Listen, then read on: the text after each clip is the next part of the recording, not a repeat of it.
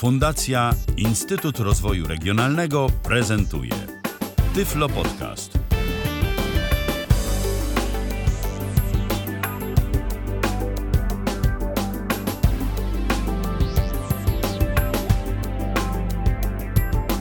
Dobry wieczór. Witam serdecznie w kolejnym Tyflo Podcaście. Z tej strony Alicja Witek. Jak zwykle cieszę się ogromnie, że zechcieli Państwo spędzić czas w naszym towarzystwie. Dziś Państwa i moim gościem jest Pan Michał Waszkiewicz. Witam Panie Michale. Dzień dobry, dobry wieczór. Witam serdecznie. Bardzo dziękuję, że zechciał Pan przyjąć zaproszenie do naszego podcastu. E, Z Panem Michałem rozmawiać będę o audiodeskrypcji sportowej. Mieliśmy już przyjemność opowiadać o tym, jak e, wygląda audiodeskrypcja e, dzieł sztuki, audiodeskrypcja e, kinowa czy też teatralna. Natomiast e, dziś porozmawiamy o audiodeskrypcji sportowej. Pan e, Michał jako mm, dziennikarz sportowy oraz e, jako e, audiodeskryptor e, wydarzeń sportowych dla Fundacji Katarynka. Myślę, że mm, obrazowo i e, z znawstwem tematu e, o owej e, deskrypcji mm, będzie dziś opowiadał. E, Jeśli będą Państwo mieli jakieś pytania do naszego gościa, albo będą chcieli się Państwo podzielić e, swoimi wrażeniami, bo być może mieli Państwo przyjemność uczestniczyć e, w wydarzeniach e, deskrypowanych przez Pana Michała, to zachęcam bardzo serdecznie do kontaktu. Oczywiście można się kontaktować z nami pod numerem stacjonarnym 123 834 835. E, W takim razie mm, na początek chciałabym poprosić Pana e, o przybliżenie e, swojej sylwetki naszym słuchaczom. Mm, Czym zajmuje się Pan na co dzień? Dla kogo? Od kiedy przygotowuje Pan audiodeskrypcję zawodów sportowych? To jeszcze raz y, dobry wieczór. O sobie mówi się chyba najtrudniej, ale y, dobrze. Jeśli chodzi o y, moje przygody zawodowe, aktualne i byłe, a to jak już zostało powiedziane, jestem rzeczywiście dziennikarzem sportowym stricte. Byłem przez kilka lat w Radiu Wrocław. E, Teraz generalnie na co dzień pracuję w Radiu Złote Przeboje i w Radiu Pogoda we wrocławskim oddziale, gdzie przygotowuję serwisy informacyjne, prognozy pogody na korki oraz e, magazyny koncesyjne na weekend. O tym, co działo się we Wrocławiu przez kilka ostatnich dni.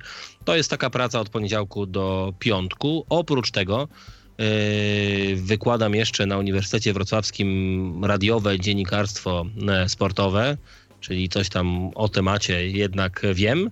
Mm, Do tego jestem jeszcze eventowcem, to już są zupełnie takie kwestie e, indywidualne, e, kwestia zleceń, kto i kiedy ma ochotę, może generalnie e, i mnie, i moją paszczę wynająć, tak żebym zabawiał na imprezach, prowadził wesela i różnego rodzaju e, akcje marketingowe. Oczywiście w ramach nie mogą być akcje powiązane z mediami, tak? Czyli nie mogę prowadzić konferencji prasowych czy jakichkolwiek innych wydarzeń powiązanych z innymi rozgłośniami radiowymi, czy telewizją, czy gazetami. To oczywiście jest kwestia umowy na, o e, konkurencji, więc ja tego nie mogę robić. Natomiast jeśli chodzi o jakieś różnego rodzaju akcje, dla przykładu, nie wiem, w galeriach e, handlowych, walentynki, e, imprezy firmowe chociażby, czy nawet w zeszłym tygodniu udało mi się prowadzić dwie, dwie licytacje, między innymi na pokazie mody dla osób niepełnosprawnych na Eat My Time we Wrocławiu mm, oraz dla Fundacji Mam Marzenie. No i tą ostatnią odnogą mojej działalności e, codziennej jest rzeczywiście audiodeskrypcja sportowa. E, Tym zajmujemy się tu we Wrocławiu od 2012 roku, czyli będzie już pięć pełnych lat, właściwie w lutym będzie już sześć dokładnie, bo zaczynaliśmy na początku 2012 roku. No i tak sobie ten czas y, płynie rzeczywiście. Jest tego sporo, jest tego dużo. Zawodowo jestem człowiekiem y, zabieganym, ale też nie jest tak, że czasu wolnego dla siebie nie znajduję. Mam go i dbam o to, by było go odpowiednio dużo. Jasne. To e, człowiek orkiestra, można powiedzieć, ale generalnie Na, pracuje na, na, ze instru- na, instrumentach, słowem, na tak? instrumentach muzycznych nie gram, ale tak, no jeśli chodzi, jeśli chodzi o pracę codzienną, jest, jest to praca ze słowem. Tak, miałem jeszcze długą przygodę PR-ową, było trochę copywritingu, e, pisania różnych e, tekstów czy artykułów na zlecenie do różnego rodzaju e, wydawnictw prywatnych czy firmowo-biznesowych. E, natomiast tak, na co dzień pracuję słowem, operuję nim w miarę sprawnie, tak mi się przynajmniej wydaje, tak też mówią ci, którzy są, że tak powiem, e, beneficjentami słowa mówionego, wypowiadanego przeze mnie. Więc tak, na co dzień gadam po prostu. Które z tych doświadczeń zawodowych, mm, poza oczywiście dziennikarstwem sportowym, E, w Pana odczuciu jest najbardziej pomocne, okazało się być pomocne przy mm, nowym stosunkowo e, zajęciu, jakim, jest, e, jakim była na początku dla Pana audiodeskrypcja imprez sportowych? Mhm. No, przede wszystkim no jednak radio to radio, tak? Czyli dziennikarstwo sportowe, ale w tej wersji radiowej, kiedy mówimy do osoby, która teoretycznie, no bo tak przecież działa radio, nie widzi danego wydarzenia, mhm. już ma pewną zbieżność z audiodeskrypcją, prawda? Oczywiście relacja radiowa w sensie stricte z definicji jest oczywiście inna i pewnie o tych różnicach za chwilę sobie porozmawiamy. Natomiast to doświadczenie zdobywane w Radiu Wrocław, w redakcji sportowej tam właśnie, czyli komentowanie meczów różnego rodzaju, czy piłkarskich, czy koszykarskich, czy siatkarskich na antenie, na żywo, no to to jest taka szkoła, bez której chyba nie można ruszyć. Naprawdę jest to bardzo trudne. Patrząc na audiodeskryptorów w Polsce sportowych, e, no bo na dużą skalę robi się to we Wrocławiu i robi się to w Warszawie, e, no to rzeczywiście są to głównie ludzie z doświadczeniem dziennikarskim. Ludzie, którzy mieli do czynienia z mikrofonem albo mają cały czas, bo są czynni zawodowo, bo to jest pewnego rodzaju e, sztuka mówienia szybko i dużo na konkretny temat, temat, bo to oczywiście wiadomo, że e, musi być precyzyjne. E, sport chyba nie aż tak jak pewnie opis dzieł sztuki, które są jednak stacjonarne, statyczne i jest to stosunkowo nietrudne pod tym kątem, tak, że ta, że ta sytuacja się nie zmienia. No mhm. tutaj dynamika jest bardzo duża, e, więc bez tego właściwie ani rusz. Ja pamiętam taki pierwszy moment e, szkolenia, tak, bo pewnie też dojdziemy do tego, ja trochę uprzedzam pytanie, e, natomiast y, po raz pierwszy my tutaj we Wrocławiu, jako Fundacja na Rzecz Rozwoju Audiodeskrypcji Katarynka, mówię my, choć de, de facto ja nie jestem członkiem fundacji, jestem, że tak powiem, człowiekiem, któremu się to zleca na zewnątrz, no bo w obrębie fundacji jest to raptem kilka osób, wiadomo, że to też nie są to nie jest orkiestra, więc też nie każdy potrafi wszystko. Oni robią dużo we własnym zakresie. Natomiast jeśli chodzi o sport, zlecają to na zewnątrz ludziom, którzy są z fundacją związani, współpracują z nią od, od wielu lat. Po raz pierwszy my się z tym spotkaliśmy właśnie w 2012 roku, głównie dlatego, że zostało to nam niejako implementowane przez, że tak powiem, wzorce zagraniczne. Chodziło o Euro 2012 w Polsce i na Ukrainie, a UEFA ma taką całą, to nie wiem, czy to jest dobre słowo, że jest fundacja, natomiast jest całe Cafe Football, to jest stowarzyszenie, o, tego słowa mi brakowało, e, które działa przy UEFA i ono generalnie dba o to, by udostępniać stadiony wszystkim tym, którzy mają z tym problem. Więc chodzi o niepełnosprawność i ruchową, a, i intelektualną, i osoby, które na przykład nie widzą. Więc audiodeskrypcja była wprowadzana na szeroką skalę już w Austrii Szwajcarii w 2008 roku, a więc 4 lata przed Euro w Polsce i na Ukrainie. No i UEFA właściwie jako wymóg postawiła, że na każdym kolejnym turnieju taka audiodeskrypcja na każdym stadionie ma być dostępna. I wtedy my y, po raz pierwszy zetknęliśmy się z y, tym pojęciem, kiedy przyjechali do nas Austriacy pokazywać nam, jak to było robione. Na tym szkoleniu było około 50 osób, koniec końców wiadomo, że w Polsce wybrano 8 po duecie na każdy stadion, 4 stadiona, więc 8 osób z tych 50 tam wiele osób przyszło zupełnie z ulicy. Oczywiście w, to było bardzo szlachetne, gdyż kierowała im chęć pomocy, wolontariat, pomoc niepełnosprawnym. To są te hasła, wokół których oni pomyśleli sobie, kurczę, fajnie, skoro można pomóc, przyjdziemy, zobaczymy. Natomiast takie wejście z ulicy, kiedy nie ma się żadnego doświadczenia, mówienie w ekspresowym tempie e, wielu słów okazało się przeszkodą nie, nie do przejścia na tym pierwszym etapie. Ja nie mówię, że tylko wybrani mogą się tego nauczyć, bo to nie jest prawda. Myślę, że jest to oczywiście kwestia jakiejś predyspozycji, natomiast y, myślę, że każdy mógłby do pewnego etapu i do pewnego poziomu dojść, natomiast jest to kwestia ćwiczeń. Oni potrzebowali ludzi, którzy będą w miarę szybko gotowi, dlatego dużo osób porezygnowało, właśnie tych, które nie miało doświadczenia w mediach, nie miało doświadczenia radiowego czy telewizyjnego. Rozumiem. E, bardzo dziękuję za e, tak obszerne, mm, może no nazwijmy to e, takim wstępem do tego, o czym będziemy za chwileczkę rozmawiać w szczegółach.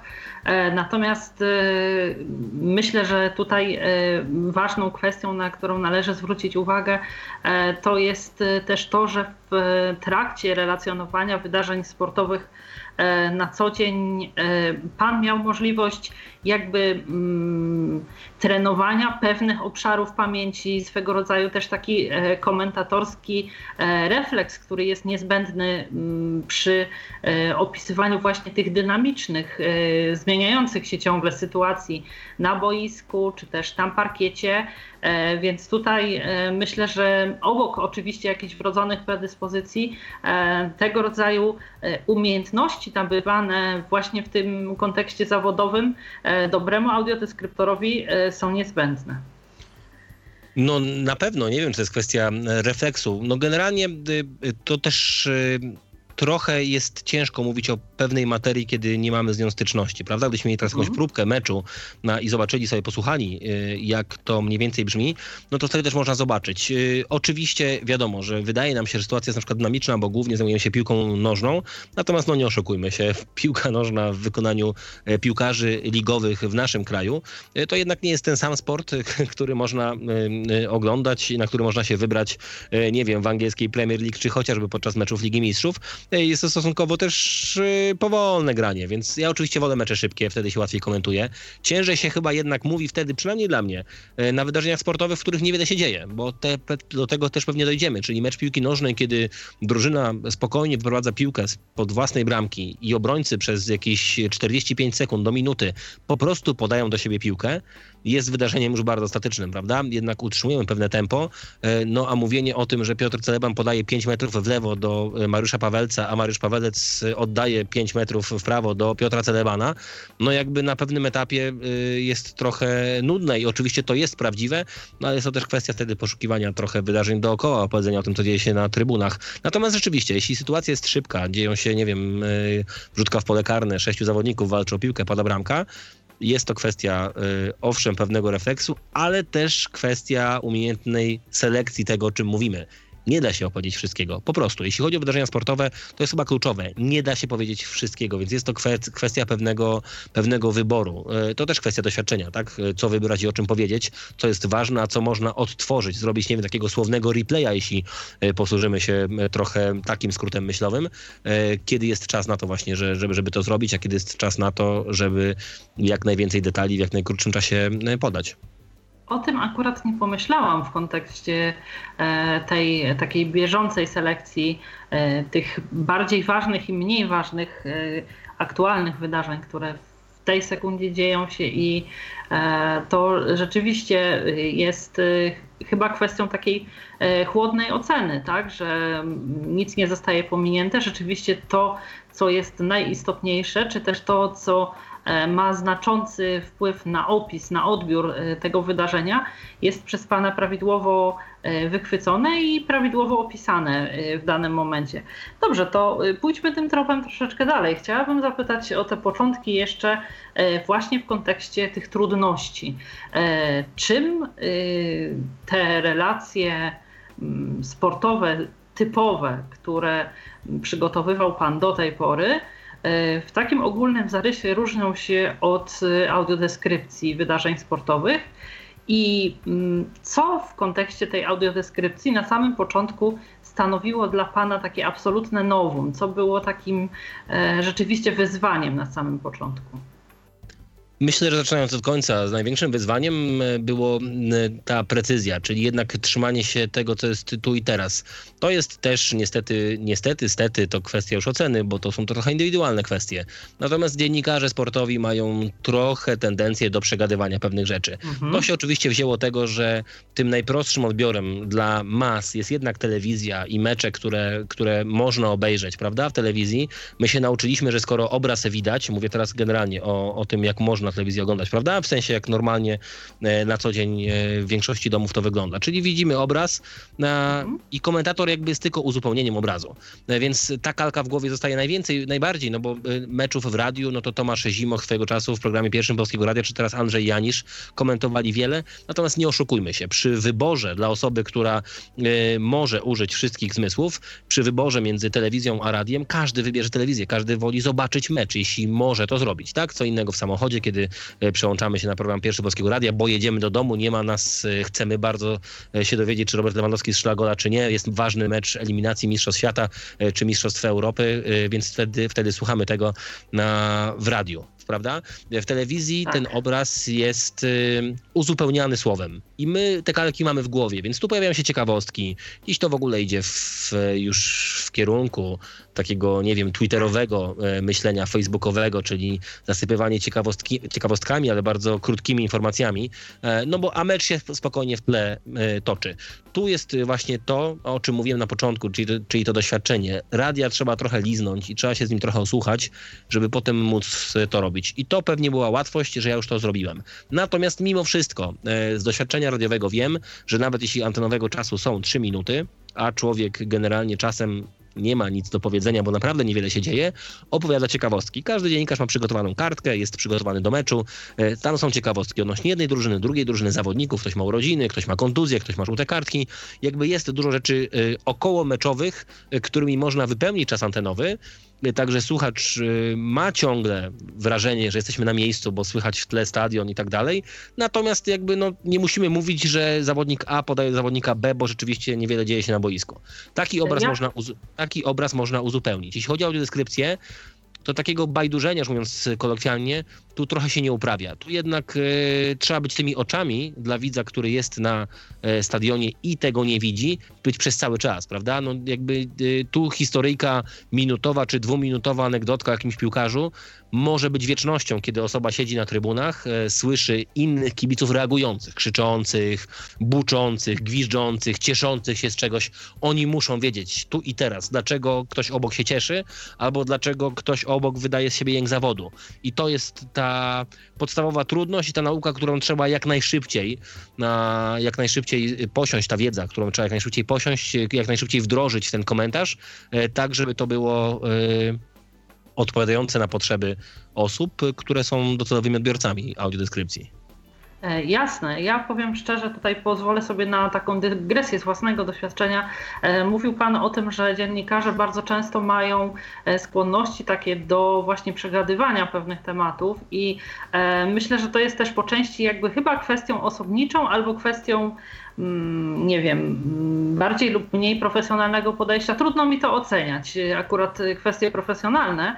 Natomiast e, rzeczywiście jest tak, że e, ja mm, nawet y, może nie, tutaj posłużę się takim przykładem dla zobrazowania, e, gdzie mm, bardzo przeszkadza mi właśnie taka sytuacja. Prawie nigdy nie oglądam skoków narciarskich w telewizji na programie pierwszym, dlatego że po prostu Właśnie dlatego, że nie widzę, co się dzieje na bieżąco, niezmiernie irytuje mnie to, że nigdy prawie nie opisują, poza momentami, kiedy skaczą nasi skoczkowie, E, dziennikarze te e, nie opisują tego, co aktualnie na skoczni się dzieje. Kto skacze, e, jaka była sylwetka w locie, jakie rezultaty są, tak? jakie są noty sędziowskie i prawie zawsze decyduje się na oglądanie na Eurosporcie, dlatego że dla mnie, jako dla osoby z dysfunkcją wzroku, która nie ma możliwości takich detali zobaczyć, gdzie tam ktoś do pół metra skoczył, czy o metr bliżej niż ktoś, czy o metr dalej niż jego poprzednik, E,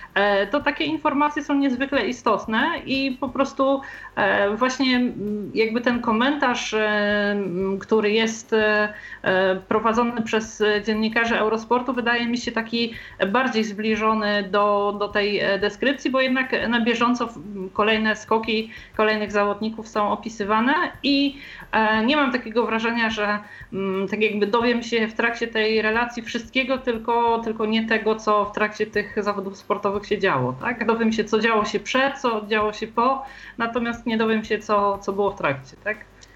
Absolutnie rozumiem. Jest to tyle też pewnie trudne, e, że jest to też poszukiwanie złotego środka. Mhm. A dla ciebie na Eurosporcie y, jest to, to dużo lepsze. Y, natomiast ktoś może powiedzieć, y, ktoś na przykład nie ma dysfunkcji wzroku, ogląda sobie na Eurosporcie zawody, prawda?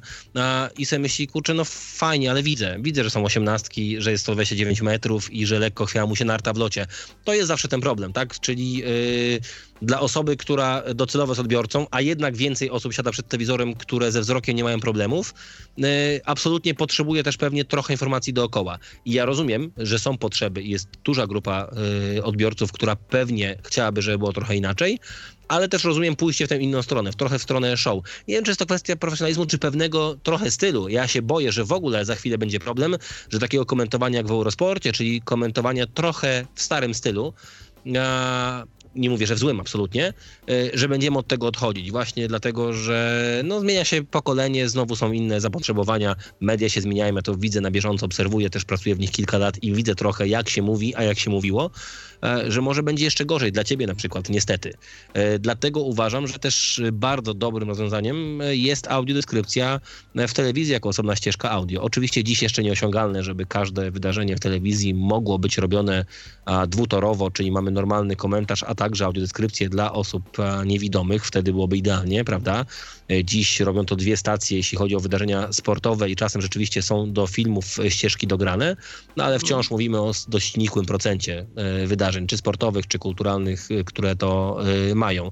Natomiast oczywiście jest tak, że właśnie dlatego, że taki komentarz eurosportowy, jak już posługujemy się konkretnym przykładem, jest bardziej uniwersalny, uważam, że powinniśmy się tego trzymać, bo skoro on nie przeszkadza, a pomaga komuś innemu, to to może być rzeczywiście, y, może być rzeczywiście ciekawe. Myślę, że wychodząc z założenia po prostu, że to widać, nie? No to jakby oni Dobre nie wiedzą. jest też to, że mamy wybór. Jeżeli ktoś woli e, ten taki komentarz powiedzmy bardziej e, oszczędny w ciekawostki, a bardziej taki e, skupiony na, aktualnym, na aktualnych wydarzeniach, to korzysta sobie z Eurosportu. Jeśli natomiast woli ten drugi wariant, to, to ma możliwość tutaj korzystania z e, jedynki. Ja nie mam e, absolutnie takiego e, jakby zamiaru, żeby mówić, który jest gorszy i tak dalej.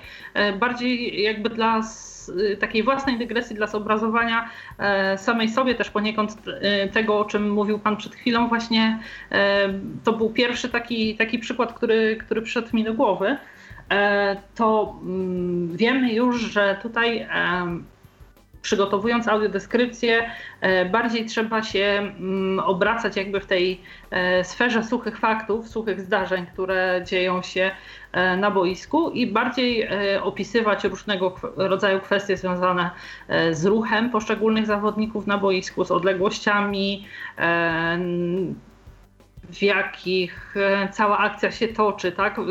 z obszarami na tak, boisku. No to, jest, tak? to jest mhm. głównie, mówiąc już tak, my używamy sformułowania geografia boiska, no to tro, trochę, trochę tak się poruszamy, tak? To musi być a, namalowany obrazek na szybko. Natomiast no, jeśli chodzi o piłkę nożną, rzeczywiście e, to też wiadomo, jakie są założenia. No, ktoś może y, być osobą niewidomą, która y, nie widziała nigdy, więc dla niej jest to generalnie czysta abstrakcja. Jest ktoś, kto jest osobą niedowidzącą, a więc właściwie pewnego rodzaju sylwetką i szkicą i zarysą my nadajemy bardziej konkretnego i ostrego kształtu. Natomiast rzeczywiście kluczem jest geografia, kluczem jest akcja na boisku, tą piłkę E, tę piłkę, e, tego piłkarza, jednego, drugiego, drużyny przeciwnej i drużyny e, gospodarzy. Trzeba gdzieś tam narysować, umieścić ich na boisku i przesuwać się z całą akcją. To musi być cały czas kwestia wyobrażenia. Mówi się, że idealną sytuacją do, jeśli chodzi o audiodeskrypcję, jest taka, że osoby niewidome po meczu wsiadają do tramwaju i potrafią się włączyć w dyskusję z osobami, które ten mecz widziały własnymi oczami, czy był spalony, czy nie było spalonego i że bramka była rzeczywiście ładna. To takie powinno być założenie, tak? Żeby y, to było na tyle dobrze opisane, żeby można było z osobami, które to widziały, dyskutować. Jasne. A y, wiadomo panu, że odbywają się takie dyskusje, że osoby niewidome e, rozmawiają z widzącymi obserwatorami e, zawodów sportowych i rzeczywiście na bieżąco są e, tak samo dobrze zorientowane co do tego, co się działo na boisku, czy też jak wyglądały pewne kwestie sporne? Y, nie wiem, czy rozmawiają z osobami, które to widziały, nawet rozmawiają między sobą i rzeczywiście mhm. żywo dyskutują i to też jakby jest jakieś tam dla nas y, wiążące, że są w stanie, tak? Że mecz był na tyle dobrze opisany, że oni jednak są w stanie o nim, o nim rozmawiać. Mhm. No kontakt oczywiście jest ograniczony, tak? No, biorąc pod uwagę, jak wygląda stadion we Wrocławiu a, i to, gdzie siedzą osoby, które są docelowo odbiorcami audiodeskrypcji, a gdzie siedzimy my na stanowiskach komentatorskich, no właściwie jakby tu bezpośredniego feedbacku, używając już mhm. korporacyjnej nowomowy, nie ma.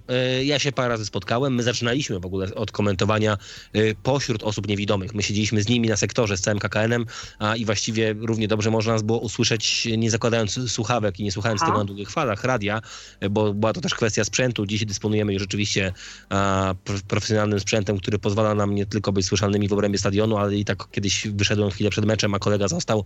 No, tak jeszcze z kilometr w samochodzie normalnie na drugich falach. Spokojnie było, by, by, było to można, tego, było tego można posłuchać, e, więc dziś dysponujemy dużo lepszym sprzętem, ale rzeczywiście siedzimy daleko. To jest trochę taka przestrzeń trudna do wyobrażenia też dla nas, bo w radiu wiadomo, że ktoś tego słucha, a tu nigdy nie mamy pewności, czy ktoś jest na meczu. Oczywiście dla mnie nie ma znaczenia, czy jest po drugiej stronie jedna osoba, żadna, czy milion, a komentuje to tak samo, jakby to był finał Mistrzostw Europy. Natomiast y, no rzeczywiście y, może fajnie było, gdybyśmy byli gdzieś bliżej, ale nie jesteśmy na co dzień. Jasne.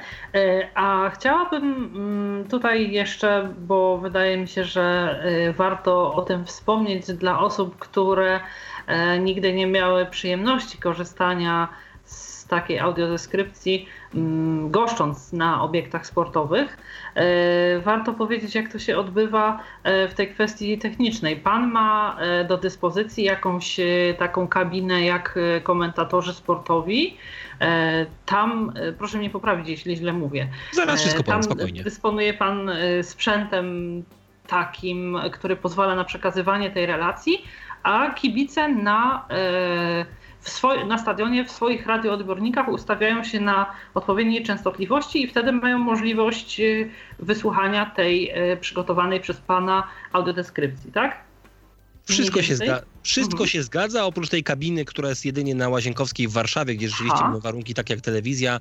Na co dzień są to po prostu w zależności boksy, nie boksy. Generalnie są pulpity, biurka, mamy swoje miejsce, mamy, mamy sprzęt mobilny. Jeśli chodzi o stadion przy Łazienkowskiej w Warszawie na Legii, tam sprzęt jest na stałe, jest kabina na stałe, opisana jako audiodeskrypcja, nie do ruszenia, więc e, wszystko jest elegancko, człowiek przychodzi na gotowe.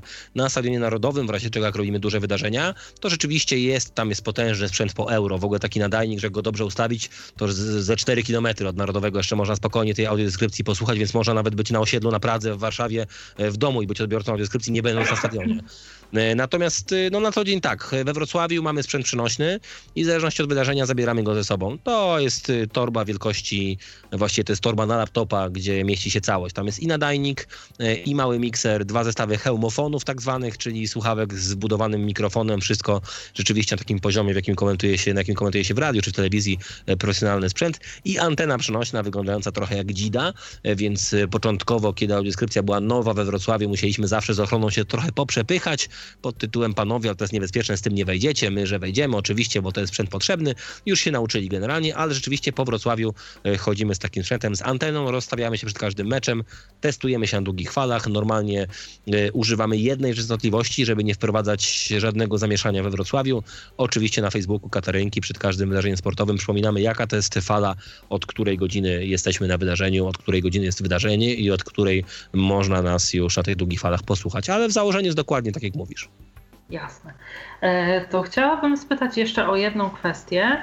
E, wspominał Pan o tym, że na początku mm, mieliście Państwo e, możliwość skorzystania ze szkoleń prowadzonych przez Austriaków, tak, bo oni byli tymi jakby prekursorami w kontekście meczów w ramach Euro.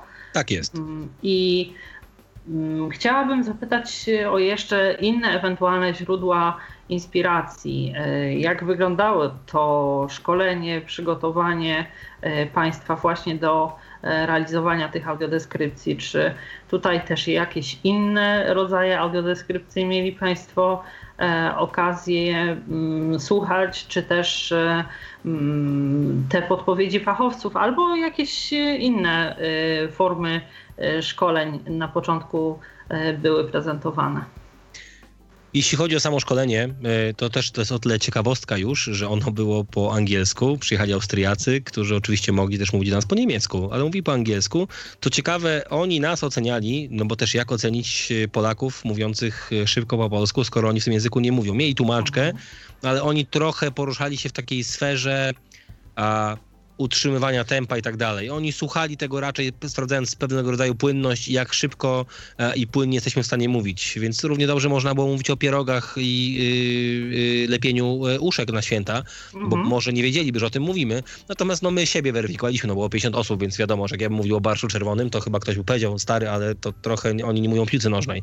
Natomiast to było trochę bardzo intuicyjne dla nich, tak? Więc takie szkolenie, my oczywiście ideę nam wyłożyli bardzo dobrze, natomiast już zobaczenia posłuchania tego y, w działaniu było niemożliwe. Prawda jest taka, że my trochę uczyliśmy się tego sami. Y, w takim mhm. sensie, że sami po rozmowach także z odbiorcami i po oczywiście szkoleniu od Katarynki, bo żeby nie było, jeśli chodzi o fundację, ona robi dużo, więc my znaliśmy bardzo dobrze założenia, wiedzieliśmy jakie są potrzeby w bazie, ale już wprowadzenie tego w życie trochę odbywało się metodą prób i błędów. Ja myślę, że ta audiodeskrypcja dziś, w 2017 roku, na jego koniec, jest dużo lepsza niż w 2012 roku. Natomiast no, pewna baza, od której zaczynaliśmy, a, od początku była dobra. Myślę, że po prostu trzeba było wprowadzić trochę modyfikacji. Natomiast y, no, no jest powiem tak, jeśli chodzi w ogóle o dziennikarstwo sportowe, e, doktor Andrzej Ostrowski, e, niegdyś znakomity e, komentator telewizji publicznej w latach 70. chociażby, więc mówimy o starych czasach, dziś uczący studentów we Wrocławiu tego zawodu, popełnił swojego czasu książkę pod tytułem Dziennikarstwo sportowe. Ta książka po A ma format raczej bardziej notesu niż książki, więc przypomina bardziej zeszyt A5 do, nie wiem, matematyki czy języka polskiego i też jest takiej grubości, nawet mniejszej. Tam jest chyba 40 40 parę stron. Jest to trochę żenujące, bo ciężko to książką nazwać, no ale trochę jest tak, że taka jest materia dziennikarstwa sportowego, że jakby no nie za bardzo jest tu gdzie zawrzeć jakąś teorię. No to wszystko opiera się pewnego rodzaju e, praktykę i działanie. Są pewne założenia i trzeba się ich trzymać. Audiodeskrypcja na samym początku, mówię, my się trzymaliśmy tego, żeby być, e, rzeczywiście relacjonować wydarzenie tu i teraz, czyli od razu odeszliśmy od ciekawostek. One muszą być, żeby była jasność, bo na przykład piłkarz po faulu zwija się z bólu i to trwa na przykład 45 sekund. Ja mogę mówić, że on leży i trzyma się prawą dłonią za swój zielony but y, u lewej nogi, więc prawdopodobnie ucierpiała kostka czy też śródstopie.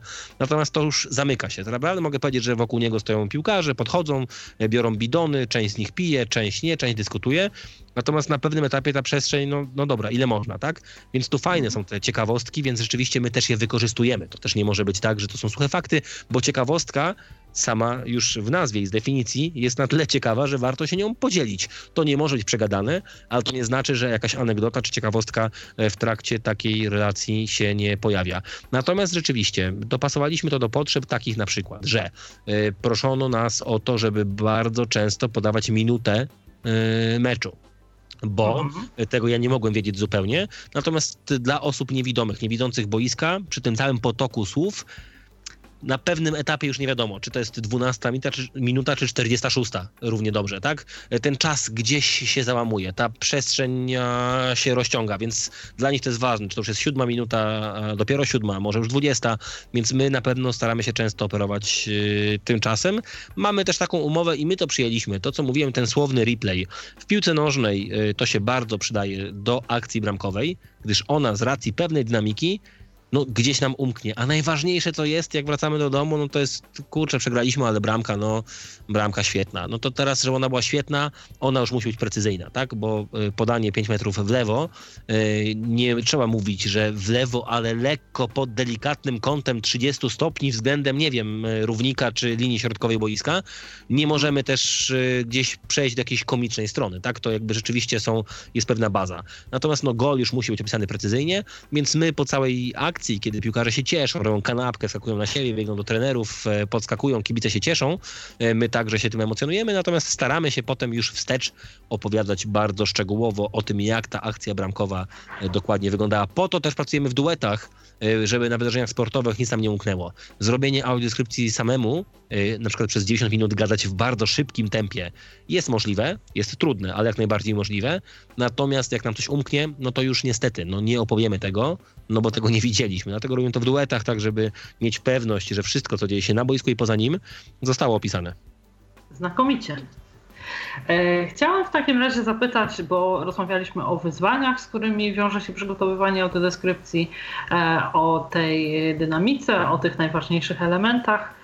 E, to mm, porozmawiajmy przez chwilę o, tej, o takim czynniku ludzkim. Chciałabym spytać, czy dobry audiodeskryptor, Pana zdaniem, powinien mieć jakieś predyspozycje Mm, takie powiedzmy osobowe, mm, nie wiem, związane z wymową, związane z pamięcią, właśnie z, z swego rodzaju e, szczególnym rodzajem spostrzegawczości, z tą umiejętnością właściwego doboru wydarzeń, o których opowiada.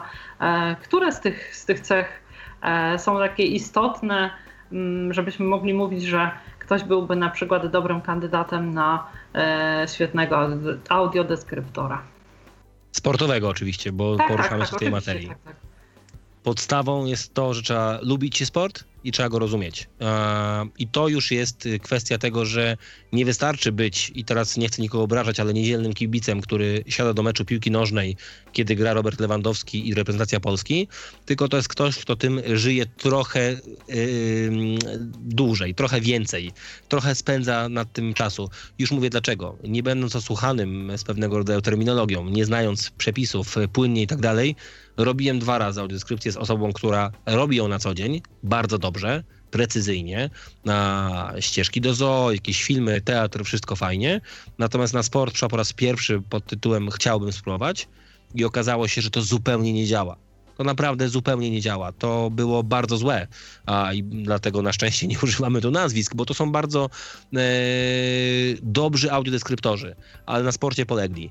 A, I to jest mhm. podstawa. Więc to, czy ktoś e, na co dzień jest mrukiem, czy też jest mocno żywiołowy, jak ja, gestykulujący i rozgadany, właściwie mógłby gadać przez cały czas, to nie ma znaczenia. Audiodeskrypcja, jeśli lubi się sport i ta emocja a, przechodzi przez nas, a potem wychodzi naszymi ustami, to to jest klucz, tak mi się wydaje. Trzeba się naprawdę emocjonować, trzeba to naprawdę lubić, bo o emocjach pewnie też a, padnie pytanie, tak? Gdzie emocje, a gdzie jednak e, suchy komentarz.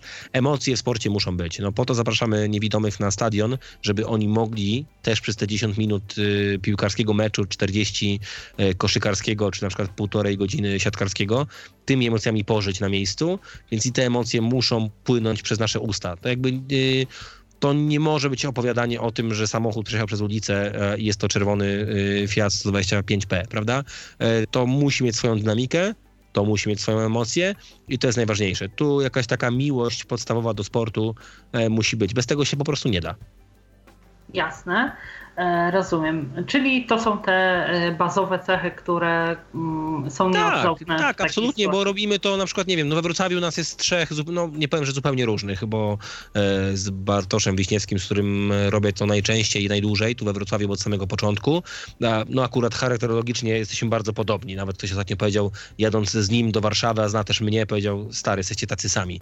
Więc rzeczywiście, no to, to może jakoś trafiliśmy. Ale trzecia osoba, która robi to z nami, Piotr Rybera, tu we Wrocławiu, to już jest zupełnie inny charakter, zupełnie inny typ e, chłopaka, e, dużo młodszy, inne doświadczenia, dużo spokojniejszy, jednak bardziej stonowany, a jednak włączamy mikrofony i tej różnicy nie ma, jakiś dysonans się nie pojawia, jesteśmy na równi. E, no trzeba też, tak, no to jest podstawa, trzeba szybko mówić, trzeba umieć szybko mówić. Dykcja wiadomo, jeśli mówimy bardzo szybko, nawet mi się zdarza, lata w radiu, ale przy tym tempie, w którym my się czasem posługujemy, Czasem ktoś zje jakąś sylabę, czasem ktoś będzie niewyraźny. Jeśli to się wydarza raz czy drugi, to nic się nie stanie. Jak to się wydarza w co drugim zdaniu, no to oczywiście to może być problematyczne przy odbiorze i to już może razić w ucho osobę, która jest y, odbiorcą. Natomiast uważam, że lepiej zjeść sylabę czy dykcyjnie, nie docisnąć jakiejś spółgłoski w trakcie relacji, niż być wolnym i precyzyjnym, ale spóźniać się za akcją. Tu też anegdota. Mieliśmy raz y, gościa z Krakowa. Przyjechał zupełnie niechcący. Na stadionie dowiedział się z komunikatu speakera, że jest audiodeskrypcja, bo w Krakowie to było przez chyba rok na Wiśle, ale i oni w ogóle byli pierwsi na taką skalę, że robili każdy mecz, ale dość szybko to się gdzieś skończyło i ta formuła się wyczerpała. Nie, czy nie było mhm. odbiorców, czy nie było chętnych do robienia. On przyjechał, dowiedział się i powiedział, a spotkałem go na konferencji prasowej. Mówi, powiem ci szczerze, byłem sceptyczny. Słuchałem tego u nas i oczywiście było to fajne. Pozwalało mi jako osobie niewidomej e, przeżyć trochę to, co się dzieje. Natomiast byłem sceptyczny, bo oni byli zawsze spóźnieni. Koło mnie ktoś siedział i jęczał, a wydobywał się jęk zawodu, a ja dopiero po czasie dowiadywałem się dlaczego. I to mi się nie podobało. U was zauważy, zauważyłem taką rzecz, że rzeczywiście a, jest tak, że kibice się cieszą, a wy już mówicie o tym, dlaczego się cieszą. I ja też się mogłem cieszyć. I jakby dla niego to było kluczowe, że my byliśmy w tempo i w punkt. Żeby być w tempo na meczu sportowym jakimkolwiek, czy to koszykówka, czy siatkówka, e, trzeba być bardzo szybkim, a więc czasem słownie nieprecyzyjnym, czy gramatycznie gdzieś komuś powinien się noga, a stylistyka, końcówka, dykcja, gdzieś to się e, wydarzy, jakieś niechlujstwo, trzeba nam wybaczyć, ale myślę też słuchacze nam wybaczają. To nie jest radio, to nie, nie jest tak, że puryści językowi y, nas y, słuchają i oceniają pod tym kątem. Tu jednak kluczem jest emocja i y, opis wydarzenia, nawet jeśli coś gdzieś tam komuś się nie uda. Jasne, zwłaszcza, że kibice sami będący pod wrażeniem czy też w emocjach odnośnie tego, co aktualnie dzieje się na boisku, myślę, że ostatnią rzeczą, na którą zwracają uwagę, to y, czy mm, audiodeskryptor e, gdzieś tam dociąga końcówki, czy y, prawidłowo odmienia y, wszystkie słowa i stylistycznie konstruuje zdania. E, chciałabym zapytać teraz przez chwilę o audiodeskrypcję konkretnych e, dyscyplin sportowych. To może na początek, gdyby był Pan uprzejmy powiedzieć, wydarzenia E, w jakich e, dyscyplinach sportowych e, miał Pan przyjemność opisywać do tej pory? Jasne. Robimy to od samego początku na piłce nożnej, to jest baza. Jak wiadomo, jest to sport najpopularniejszy, a więc i mający najwięcej kibiców, także osób niewidomych, więc tu w ogóle nie ma dyskusji. Przez pięć lat opuściliśmy chyba trzy mecze Śląska, do tego wszystkie mecze kadry narodowej i tak dalej. W Warszawie dokładnie to samo, tylko z rocznym opóźnieniem, chyba z półrocznym. Więc to jest podstawa, to robimy. My we Wrocławiu, że tak powiem, Y, lubimy to słowo, a to też dobrze marketingowo zawsze brzmi dla y, klubów, które nas zapraszają, albo na które my e, staramy się dostać, przyjść i zaoferować taką usługę, y, że zrobiliśmy coś pierwsi w Polsce, bo rzeczywiście e, piłkę nożną się robiło i robi i tu nie byliśmy pierwsi w Polsce, bo pierwszą w ogóle w historii zrobiono w Białymstoku, czyli w kolebce polskiej audiodeskrypcji, tam również na meczu Jagiellonii po raz pierwszy audiodeskrybowano piłkę nożną. E, my robiliśmy jako pierwsi we Wrocławiu żużel, którego nigdy wcześniej nikt nie opisywał dla niewidomych. Robiliśmy robiliśmy pierwsi we Wrocławiu siatkówkę, robiliśmy pierwsi we Wrocławiu koszykówkę. Udało nam się także rok temu jako próbę przed World Games zrobić Mistrzostwa Świata w Jiu-Jitsu, e, co było dość e, kuriozalne może nie, ale naprawdę skomplikowane i trudne.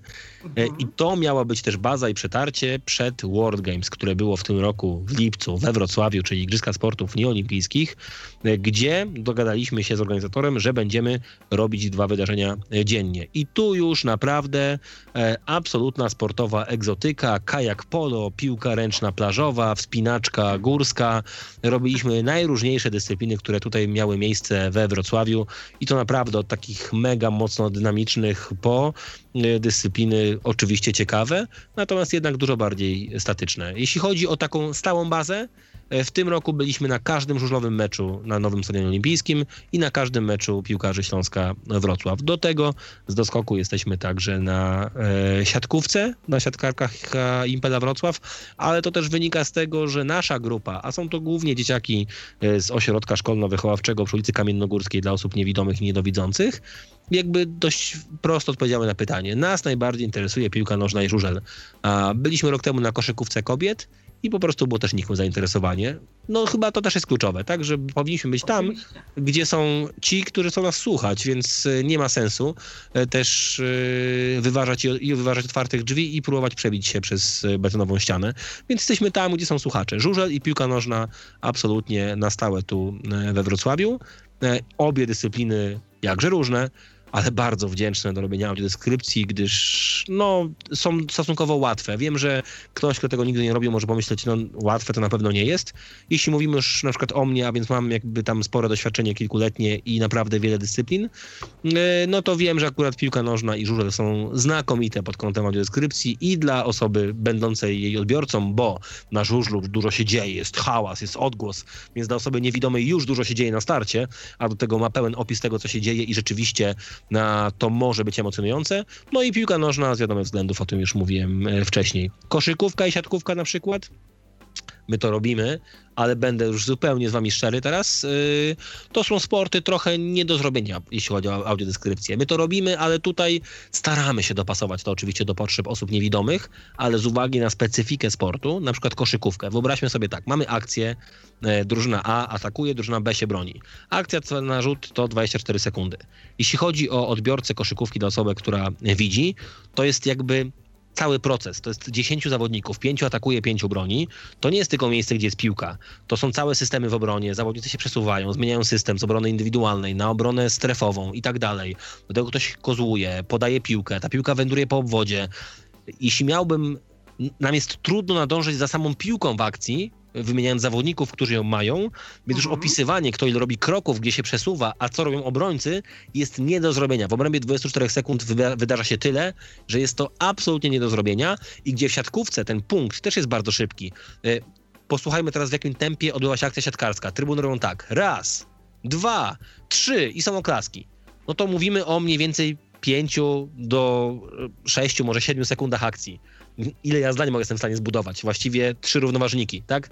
Opierające się na tym, y, że jest to imię i nazwisko siatkarki czy siatkarza, który tę piłkę podbija czy atakuje i to koniec. Natomiast siatkówce po tym punkcie wiadomo, że zawodnicy yy, robią przejście na parkiecie i zawodnik konkretnej drużyny, która zdobyła punkt, wędruje w pole zagrywki. I my tutaj wymyśliliśmy sobie, że to jest ten moment, kiedy tą akcję opowiemy szczegółowo, czyli robimy replaya już po akcji. W akcji jesteśmy nazwiskami właściwie i tylko stroną na boisku, a potem opowiadamy całość. Kto wyskoczył, że dwuosobowy blok, że zablokowana prosta, że piłka odbija się od antenki i spadła metr obok linii bocznej boiska, to wszystko można opowiedzieć, ale już po fakcie i to jest niestety bardzo trudne. W koszykówce myślę, że jesteśmy cały czas gdzieś obok meczu. Jest to trochę szukanie złotego środka, ale nie wiem, czy go znajdujemy, naprawdę. Rozumiem. E, to chciałabym w takim razie e, zapytać e, takie krótkie pytania, zadać mm, pierwsze. No tak, bo ja gaduła jestem, więc już czas nam się kończy. Nie, nie, myślę, że e, spokojnie zdążymy, bo tutaj też tych pytań e, aż e, tak wiele jeszcze nie zostało. Chciałam zadać takie krótkie pytanie jeszcze w nawiązaniu do tego, o czym Pan mówił o World Games.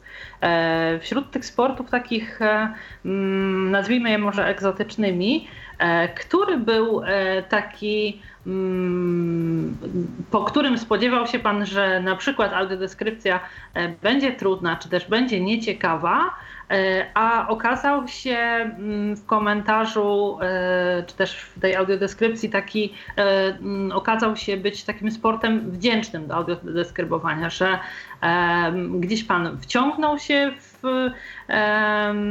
ten opis i koniec końców było dla Pana zaskoczeniem jakby pozytywnym opisywanie wydarzeń w tej konkretnej dyscyplinie to tu muszę przyznać niestety, że z racji y, zawodowych mogę opierać się tylko i wyłącznie na y, doświadczeniach kolegów, którzy to zrobili, gdyż mnie World Games ominęło. Aha, e, od strony formalnej zorganizowałem właściwie całość, włącznie z grafikiem, natomiast już y, na żywo y, nie byłem. Byłem na jiu-jitsu, tak jak powiedziałem, pół roku wcześniej na Mistrzostwach mhm. świata e, w hali Orbita. Y, po rozmowie z chłopakami, którzy to robią, ja myślę, że wiele sportów ich po prostu zaskoczyło, bo to są trochę rzeczy, które wydarzają się na bieżąco trochę można to zweryfikować. Dla przykładu y, podam to jiu-jitsu, które ja się przygotowywałem.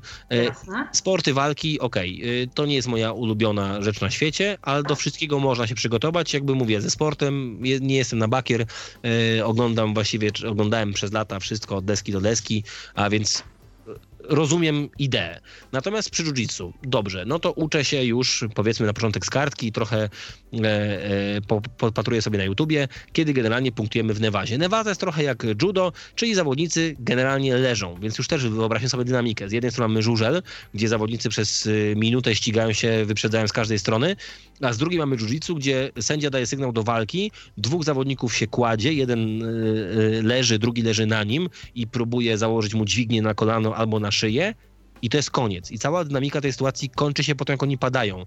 I ten sędzia stoi, a oni leżą i to na przykład trwa przez 45 sekund. I to już jest sztuka mówienie o czymś, co się nie dzieje na dobrą sprawę, bo to jest mówienie o tym, co się nie wydarza. Y, jakby, no, bo wszystko można, ale no przecież oni po prostu leżą, a ruchy są minimalne. A I co w tej sytuacji pan robi? Opowiada pan o zawodnikach, o ich strojach, o zasadach panujących y, w tym sporcie? No trochę nie mam wyjścia, trochę nie mam hmm. wyjścia. To jest to poszukiwanie, stąd ta wiedza jest potrzebna. Trzeba mieć co opowiedzieć w takiej e, sytuacji. Z drugiej strony pewnego rodzaju weryfikacja następuje, bo patrzę w przepisach, i tam jest na przykład, nie wiem, obejście gardy, dwa punkty. Obejście gardy jest wtedy, kiedy lewa noga zawodnika leży kolanem, dociska się kolanem obok e, tułowia zawodnika leżącego na plecach. No opis ma jakieś, nie wiem, 12 zdań.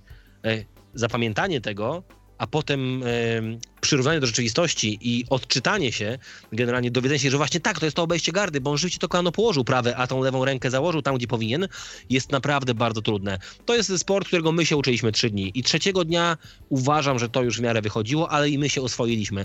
Nie da się trochę tak, że wchodzi się na dyscyplinę i po prostu nagle się jej nauczy od ręki. To są trudne rzeczy, naprawdę, i to są takie wyzwania na tu i teraz, na bieżąco, także dla nas. Yy, dlatego mówię, doświadczenie jest bardzo potrzebne.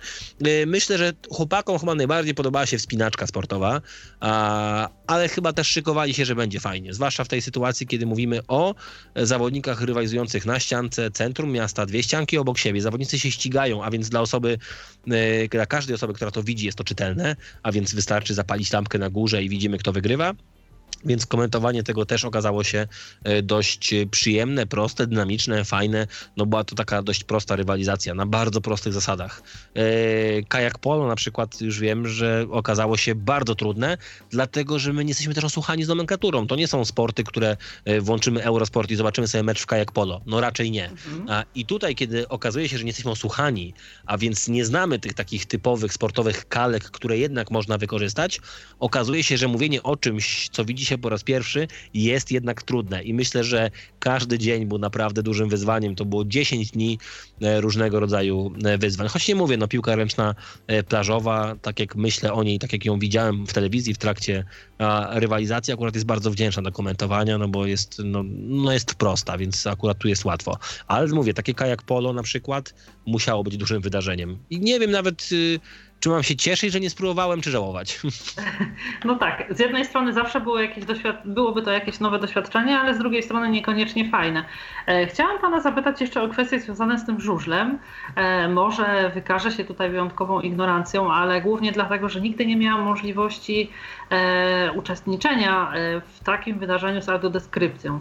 Ja się zastanawiam, jak to jest, czy w trakcie tych meczów zawodów żużlowych kibice, którzy e, nastawiają swoje radioodbiorniki na odbiór audiodeskrypcji, cokolwiek słyszą. Dlatego, że e, raz byłam na mm, zawodach żużlowych i po prostu nie słyszałam własnych myśli, więc generalnie zastanawiam się, jak to jest możliwe, że są w stanie tą audiodeskrypcję usłyszeć i jakoś tam podążać za nią, skupić się, korzystają ze słuchawek, czy jakoś orientuje się Pan, jak to jest rozwiązane?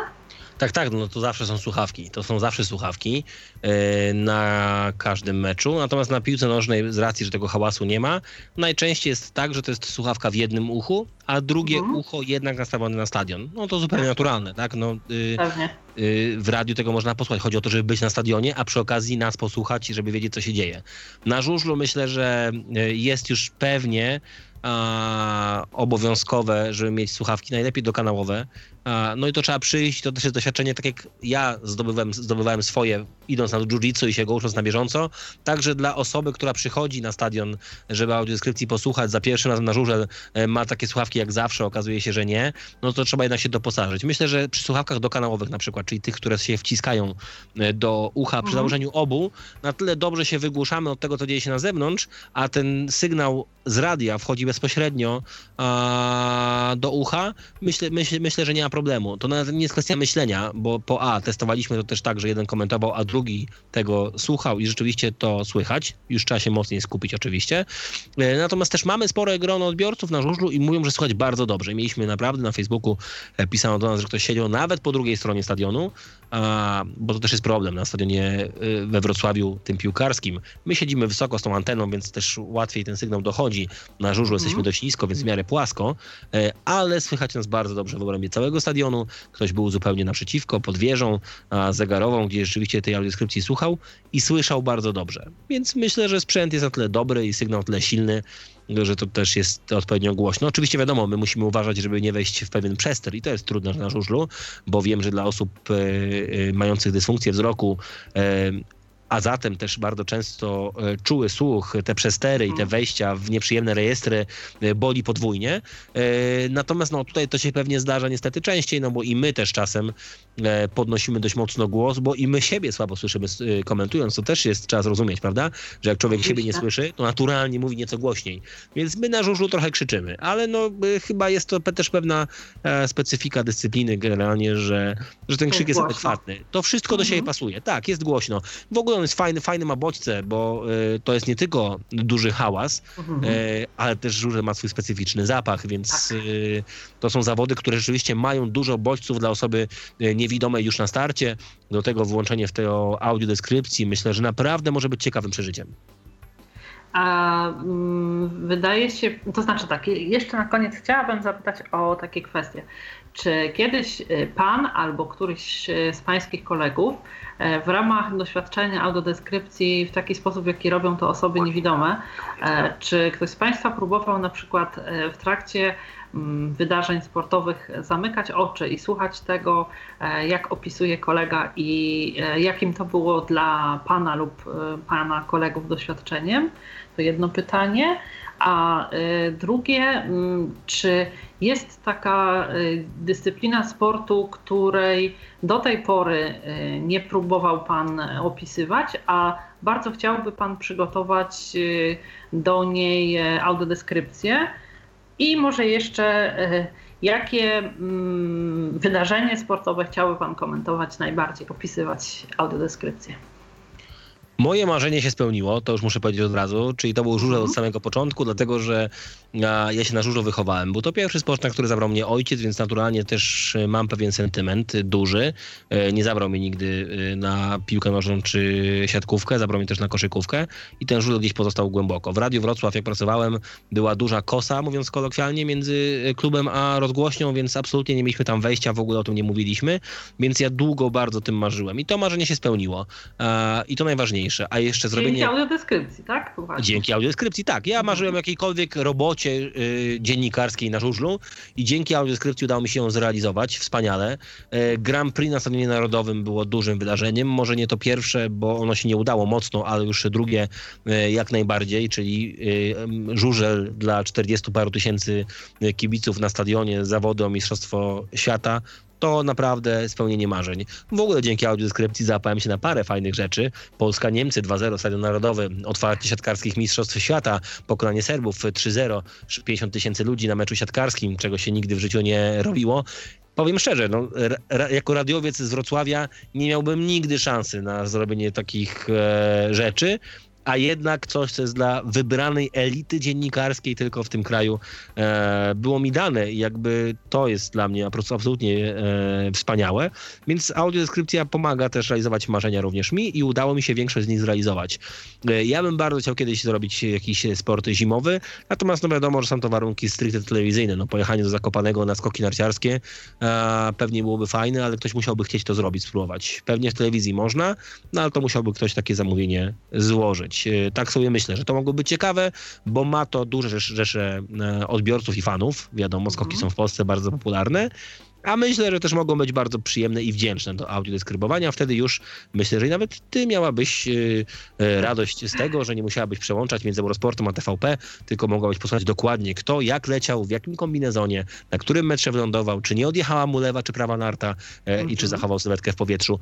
To jest bardzo ładne do opisywania, dość proste, bo te fazy e, i najazdu, i lotu, i lądowania są odpowiednio długie, żeby to bardzo precyzyjnie opisać, więc myślę, że byłoby to przyjemne, a jednocześnie bardzo miłe, bo ja bardzo lubię sporty zimowe. Głównie biatlon, no tutaj pewnie e, wśród niewidomych kibiców sportu w Polsce, nie wiem ile może ich być, dwóch, skoro w ogóle jest dziesięciu kibiców biatlonu, e, więc e, pewnie nie byłoby dla kogo tego robić.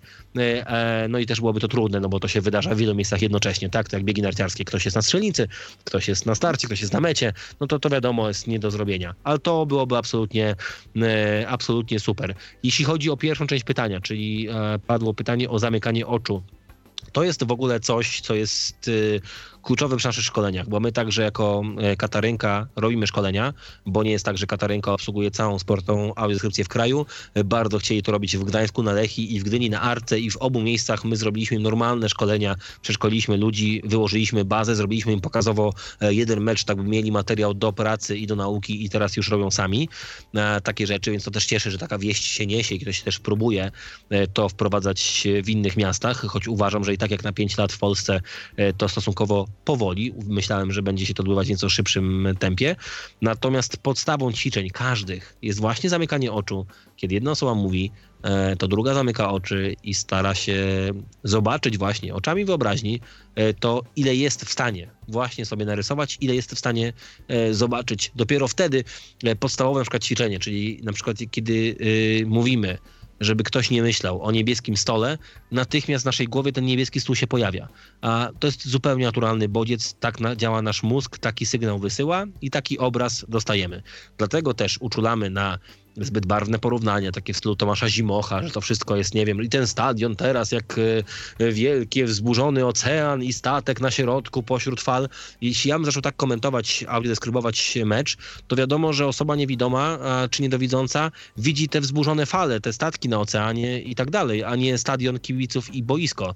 I to są takie rzeczy, na które uczulamy, czyli żeby jednak piłkarz był piłkarzem i tak dalej. No ostatnio mój kolega jakiegoś porównania użył, że zawodnik e, łysy Albańczyk z Wisły Kraków w Netbasza wygląda tak groźnie, że gdybym go spotkał w ciemnym załuku, w trójkącie bermudzkim, we Wrocławiu, to chyba szukałbym kominiarza, e, by złapać się za guzik, by mieć szczęście. No jakaś, to była w ogóle abstrakcyjna, strasznie absurdalna e, forma słowna, już samo zdanie było dość mocno kuriozalne, ale teraz jak to przełożymy, kiedy ja o tym mówię, ktoś zamknie oczy albo nie widzi, no to oczywiście widzi tych kominiarzy, łysego gościa z nożem gdzieś w ciemnej uliczce.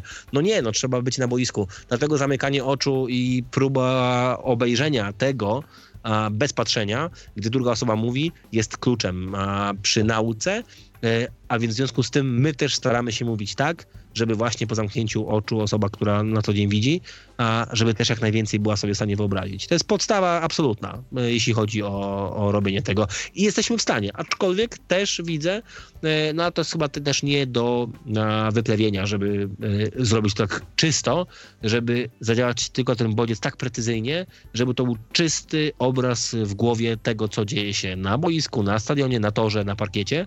Nie da się pewnie, nie da się. Trzeba być... Yy, jak najbardziej dokładnym, no ale wiedząc, że i tak jeśli chodzi o taką czystą audiodeskrypcję w 100% jesteśmy skazani na porażkę, bo jesteśmy. Chodzi o to, żeby oddać to, nie wiem, w 80% na przykład, jeśli chodzi o piłkę nożną, czy 90%, tak? Gdzieś się zgubi coś, ale żeby to nie było 30%, tak? Żeby to nie było opadanie różnych e, bajek. Nawet przy kolorach, tak? Wychodzą zawodnicy, trzeba ich ubrać. No to wiadomo, że mm, chciałabyś też wiedzieć, jeśli wchodzą piłkarze, w jakich grają strojach. Oczywiście gra Wisła, Kraków, Śląsk, Wrocław, ale kto w jakich, żeby to potem też oprócz geografii e, tych piłkarzy poobierać w jakieś tam e, koszulki. No to też nie można przesadzić. My, często mój kolega używa stroju, że na przykład, nie wiem, sędziowie w żarowiastych, żółtych bluzach, e, więc wyglądają jak pracownicy na budowie, a gdyby utknęli pod lawiną śnieżną, to łatwo byłoby ich znaleźć. No już za dużo, za dużo, za dużo, za dużo, za dużo. Już widzimy lawiny śnieżne, już widzimy roboty drogowe i tak dalej, już gdzieś odchodzimy od tego wydarzenia. No trzeba się pilnować. I to jest y, trudne, to jest wyzwanie, ale ja lubię wyzwania. Jasne. E, myślę, że to jest jedno wyzwanie, to znaczy jedno z wyzwań i e, też bardzo ważne jest chyba dla Państwa takie rozeznanie w tym przywoływaniu różnego rodzaju porównań, jakie pojęcia są dla osób niewidomych abstrakcyjne, bo przecież pewne przedmioty, E, nie wiem, e, budowle, obrysy, e, figury jakieś, do których można by coś porównać, czy też jakieś kwestie związane na przykład ze światłem, cieniem, ostrą widocznością, złą widocznością, są dla osoby niewidomej czystą abstrakcją, więc tutaj też jakoś musicie zapewne panowie wejść na wyżynę swoich umiejętności, żeby było to e, na tyle opisowe, żeby sprowadzić to do jakichś e, pojęć takich e, powiedzmy swojskich, znanych osobom niewidomym, prawda? Pewnie tak, natomiast to też jest szukanie złotego środka. Tu wracamy do tego, o czym mówiliśmy, o tym TVP i Eurosporcie, o, tym, o, o, o tej różnicy, tak? Kiedy jesteśmy precyzyjnie, mhm. kiedy nie. Mhm. Jest też trochę tak, że mm, owszem, to muszą być proste rzeczy. Natomiast też wiadomo, że możemy mieć na przykład na meczu 10 osób z absolutnie różnym stopniem wady wzroku. E, to mogą być osoby całkowicie niewidome od wielu lat, osoby, które nie widzą jakiegoś czasu albo nie dowidzą. E, więc wiadomo, że u jednych zagramy tylko i wyłącznie na wyobraźnię i na pewnej, y, uderzamy w pewną bazę prostych y, pojęć, kształtów i figur, a dla innych to już są rzeczywiście rzeczy, które mogą mieć barwę, nasycenie i tak dalej, więc też pewnie jest to kwestia złotego środka. No, musimy się liczyć z tym, że ktoś może nie zrozumieć do końca, do czego coś porównujemy, albo nie umieć sobie tego wyobrazić. Natomiast nie możemy też spłucić przekazu, także osobom, które są w stanie to sobie wyobrazić, żeby mogły dostać jak najwięcej detali, by taki obraz w swojej głowie zbudować. Tak mi się przynajmniej wydaje, może się mylę. E, natomiast y, staramy się jednak y, dać tych szczegółów na tyle dużo, y, żeby ten obraz można było jak najbardziej ubrać w detale w swojej głowie. E, ale rzeczywiście, no y, możemy również założyć, że e, sama e, piłka, trawa i bramka może być abstrakcyjnym pojęciem dla kogoś, kto jej nigdy nie widział. Ale to wtedy w ogóle nie wyjdziemy poza pewien schemat prostej opisowości, więc nigdy nie przejdziemy dalej do komentowania tego, co się dzieje na, na boisku. Relacjonowania, nie komentowania, bo to też ważne, ale też precyzyjnym trzeba być. To jest jednak bardziej relacja niż komentarz, tak? Rzadko komentujemy, raczej relacjonujemy. Jasne. E, bardzo serdecznie Panu dziękuję za przyjęcie naszego zaproszenia raz jeszcze. Bardzo dziękuję, że e, w tak e, obrazowy i szczegółowy sposób opowiedział Pan dziś naszym słuchaczom o mm, audiodeskrypcji sportowej, która myślę jest tak samo ciekawa jak wszystkie inne formy audiodeskrypcji, z jakimi mamy styczność na co dzień e, i e, też cieszę się, że mm, o audiodeskrypcji w tej formie akurat miałam możliwość e, przygotować podcast z osobą będącą mm, fachowcem, ale też mającą dar gawędziarski i możliwość opowiadania w taki bardzo obrazowy i opisowy sposób o, o tym, czym zajmuje się Pan w kontekście audiodeskrypcji. To ja dziękuję bardzo za zaproszenie i mam nadzieję, e, że się usłyszymy kiedyś, e, czy z Tobą, czy z naszymi słuchaczami na meczach, halach, na stadionach. Serdecznie zapraszam, bo tak jak mówię, jesteśmy już w paru miastach w Polsce, oby jak najwięcej, oby jak najczęściej i mam nadzieję, że mówiąc z tego miejsca do usłyszenia, rzeczywiście usłyszymy się na długich falach, czy we Wrocławiu, czy w Warszawie. Ja też mam taką nadzieję, e, zwłaszcza, że nigdy e, ja osobiście nie miałam przyjemności słuchania audiodeskrypcji, więc dla mnie też pewnie byłoby to e, nowe i ciekawe doświadczenie. Raz jeszcze dziękuję. Mm, przypomnę Państwu, że Państwa i moim gościem był dzisiaj pan Michał Waszkiewicz, audiodeskryptor dla Fundacji Wydarzeń Sportowych dla Fundacji Katarynka. Ja w imieniu E, Michała Dziwisza i swoim własnym dziękuję już Państwu bardzo serdecznie za uwagę i zapraszam do wysłuchania kolejnych e, Tyflo podcastów. E, kłaniam się i do usłyszenia. Ala Witek. Dziękuję bardzo. Był to Tyflo Podcast. Pierwszy polski podcast dla niewidomych i słabowidzących. Program współfinansowany ze środków Państwowego Funduszu Rehabilitacji Osób Niepełnosprawnych.